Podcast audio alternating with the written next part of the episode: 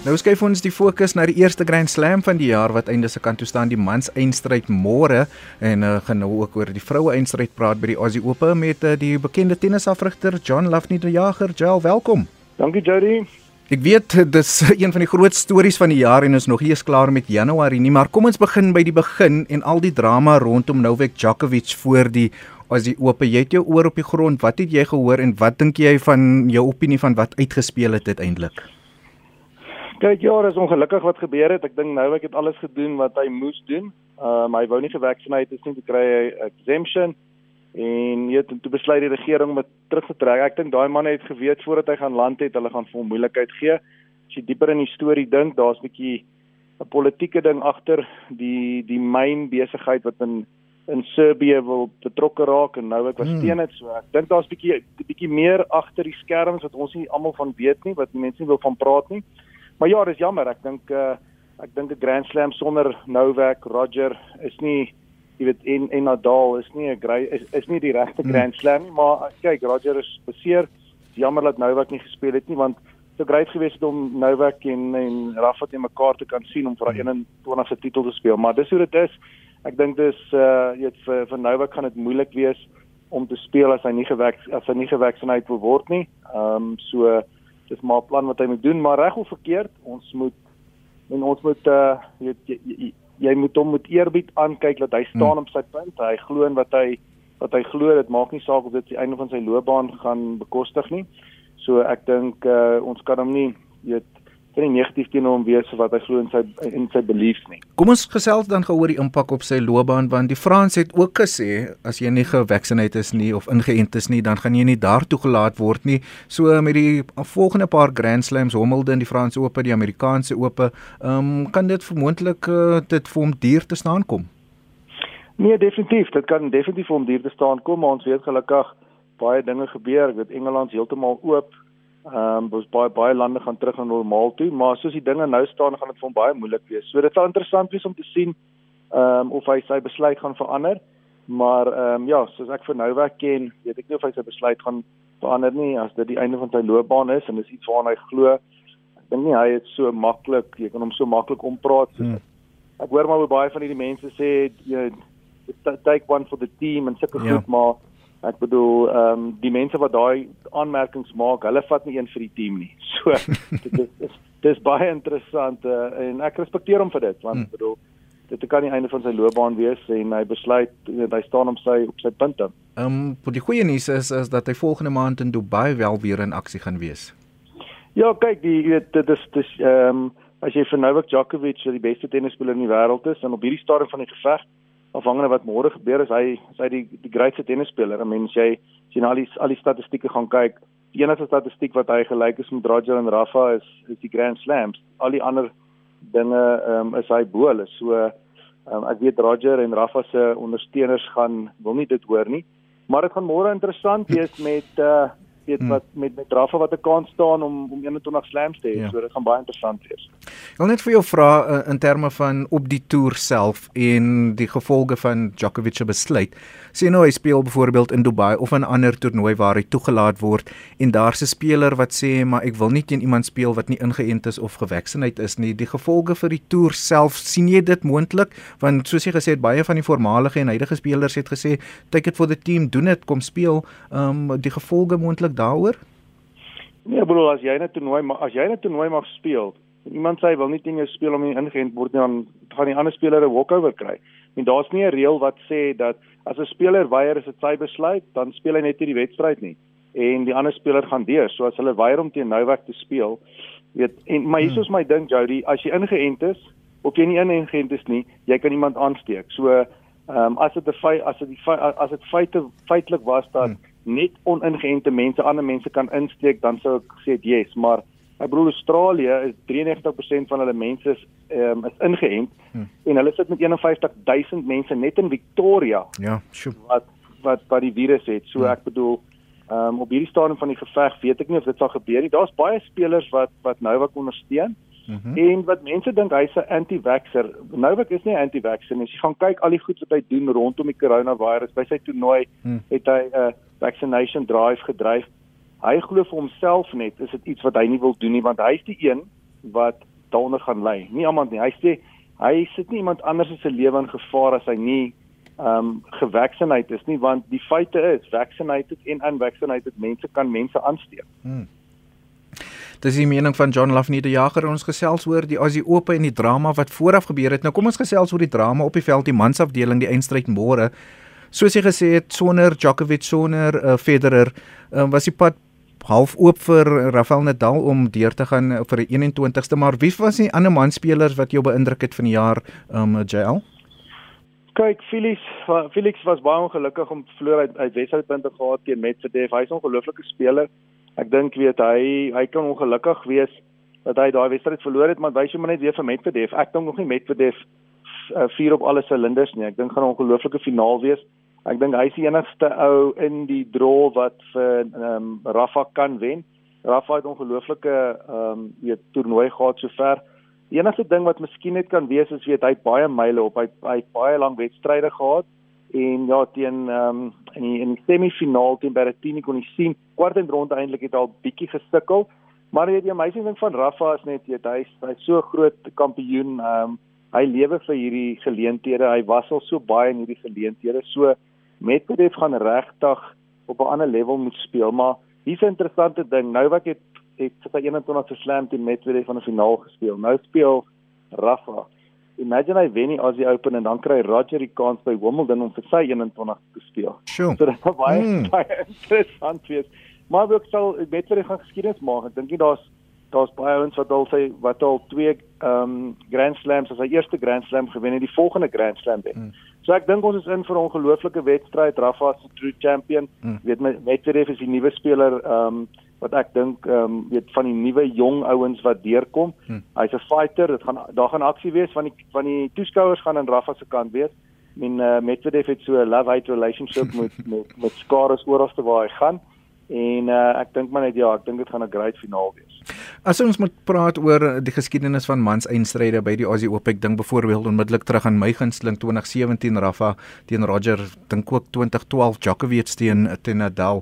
Um wat kan ons môre verwag is twee spelers met verskillende tegnieke, een 'n bietjie jonger, een 'n bietjie ouer en en so aan. Ja, kyk, dit gaan 'n alles soos hulle sê in Engels it's going to be a slack from the baseline. I mean, Medvedev so baie ver agter die agter die baseline. Rafa is nie ou wat so graag net toe kom nie. So dit gaan 'n battle wees, dit gaan 'n fisiese battle wees en ek dink ehm um, Medvedev gaan baie goed moet dien en dit wat hy sover gedoen het, hy het homself aan die moeilikheid gedien teen Felix en ehm um, dit hy teen in sy semifinale het hy 57% van sy diene was unreturnables. So as hy goed dien teen teen Rafa dan gaan dit vir hom definitief ehm um, 'n goeie kans gee. Maar soos ek sê, jy weet Rafa, hy was al van tevore, hy het al 20 keer het al gewen in 'n finaal en hy het 'n paar al verloor, so hy ken die atmosfeer en hy ken die omgewing beter as Medvedev. So ja, ek het ek persoonlik voel ek ek gee vir Medvedev so klein bietjie van 'n van 'n um, voordeel om te wen, net omdat ek dink hy het nog nie op volle silinders gevier nie en ek hmm. dink hy's bietjie hy hy's bietjie meer vars as uh, as Rafa. Ek dink as dit enige ander speler was dan sou ek gesê het dis Rafael Nadal se 21ste Grand Slam maar Medvedev bring daar die onsekerheid die X-factor soos hulle sê wat 'n hmm. moontlike verrassing môre kan oplewer. Wil jy geld op iemand sit? Ek ek gaan vir Medvedev. Medvedev ek gaan met Nadal gaan daar 'n bietjie met jou verskil. Maar kom ons gesels gou oor die die vroue en uh, natuurlik wat is dit 47 48 jaar wat die Aussies moet wag om uh, een van hul eie om hul eie Grand Slam te wen. Uh, geluk aan Ash Barty. Yes, Jody, wat wat wat 'n ongelooflike mens. Ek weet ek is so ek sê altyd ek is so bly wanneer goeie mense, kampioen mense wen.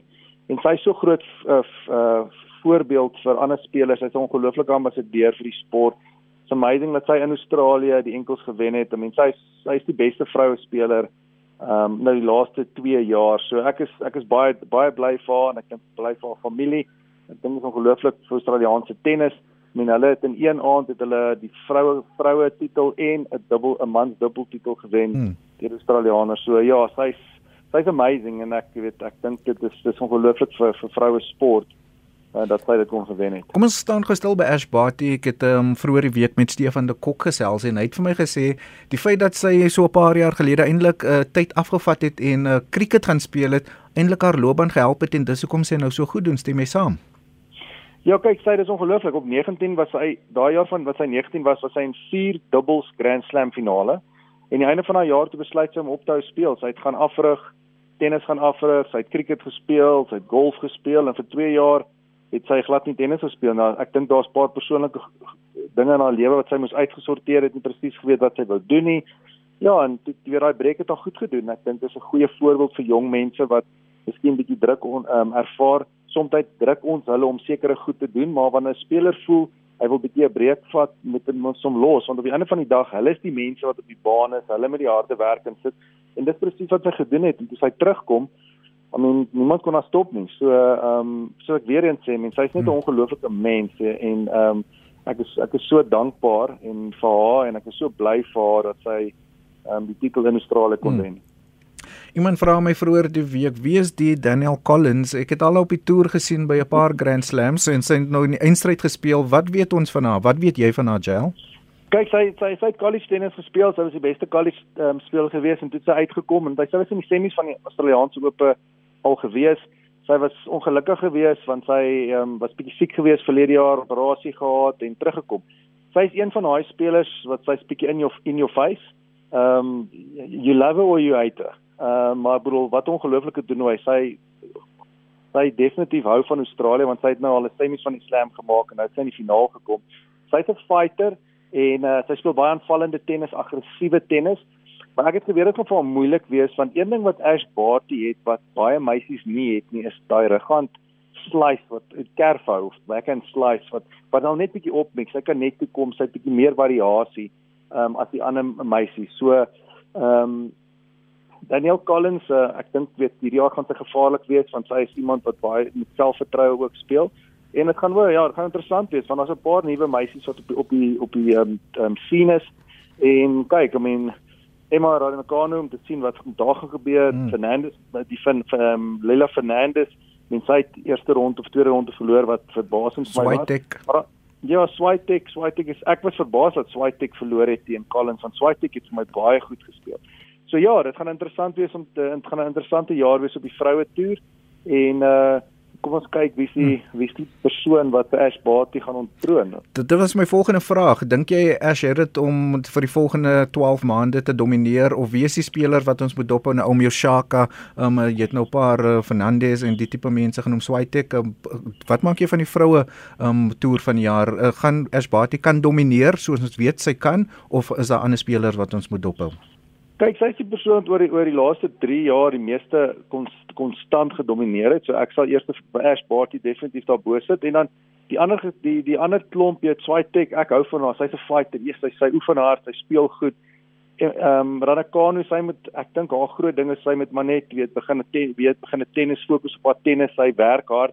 Maar daar's baie goed wat rondom haar gebeur en as sy haar fokus op die tennis kan hou, gaan sy definitief 'n bedreiging wees en dan Lila van Lila Fernandez, ek hou baie van haar. I mean, jy, dis ongelooflik om te dink sy het tes hier in die derde verloor teen Emma. As as sy gewen het, dan het ons van haar die hele tyd gehoor en nie van Emma gehoor nie. Dit wys maar net die, die groot verskil tussen wen en verloor. En dan weet ons weet nie kom ons kyk wat gebeur met Osaka. Sy is besig om weer te speel, sy is terug op die baan. Ehm um, sy's 'n baie goeie speler. Magarusa het het verlede jaar weer 'n op, opgang gemaak. Ons kyk wat met haar gebeur. So ja, dit gaan 'n interessante jaar wees, maar ek dink Ash Barty is maar net te konstant ehm um, vir meeste van hierdie van die van die vrouens op die oomblik. Kom ons gesels oor die res van die jaar en uh die terugkeer van Roger Federer. Julle ken mekaar natuurlik baie goed. Ehm um, is 2020 moontlik sy laaste jaar? Wanneer kan ons hom weer terug op die uh, op die baan sien? Is dit by die die twyfel by die Franse Ope wees maar moontlik op die grasbane uh, in Junie maand? Ja, Jody, ek dink as hy gaan uh, wanneer hy gaan terugkom, dink ek die gras sal 'n goeie tyd wees vir hom. Ehm um, die ding van Roger is Roger is lief daarvoor om tennis speel, hou daarvan is.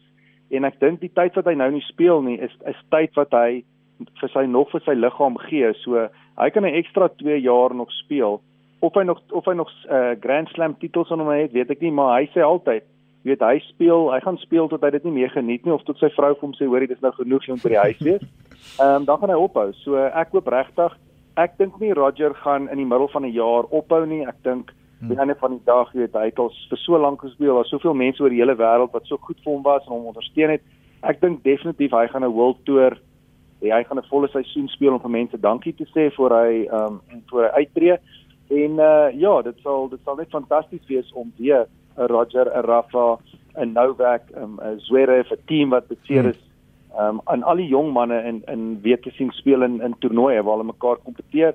Dis definitief, ek dink die tyd is al hoe nader dat die dat die Big 3 stelselmatig vervang gaan word met jonger ouens. Ons sien Medvedev domineer. Zverev was bietjie teleurstellend geweest want ek het regtig gedink weet na verlede jaar is hy gaan hy 'n groot contender wees. En Tsitsipas, I mean, wanneer kom sy tyd? Hy hmm. hy klop aan die deur, hy's baie naby by elke Grand Slam. Ja, ons kan sien wat met hierdie jaar met hom gaan gebeur.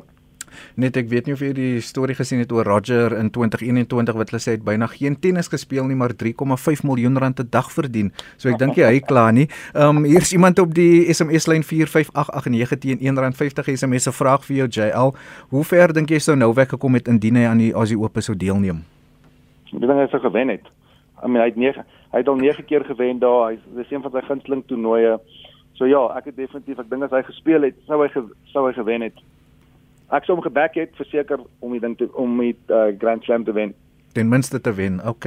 So uh, baie dankie vir jou tyd vanmiddag en uh, vir jou insaai en ons hou duim vas vir beide uh, die mans uh, die spelers in die mans eindstryd vir Rafael Nadal en Medvedev. Um, hulle kom in die oggendure môre teen mekaar te staan. Uh, John Lafney die jager baie dankie vir jou tyd. Dankie Jody, lekker dag.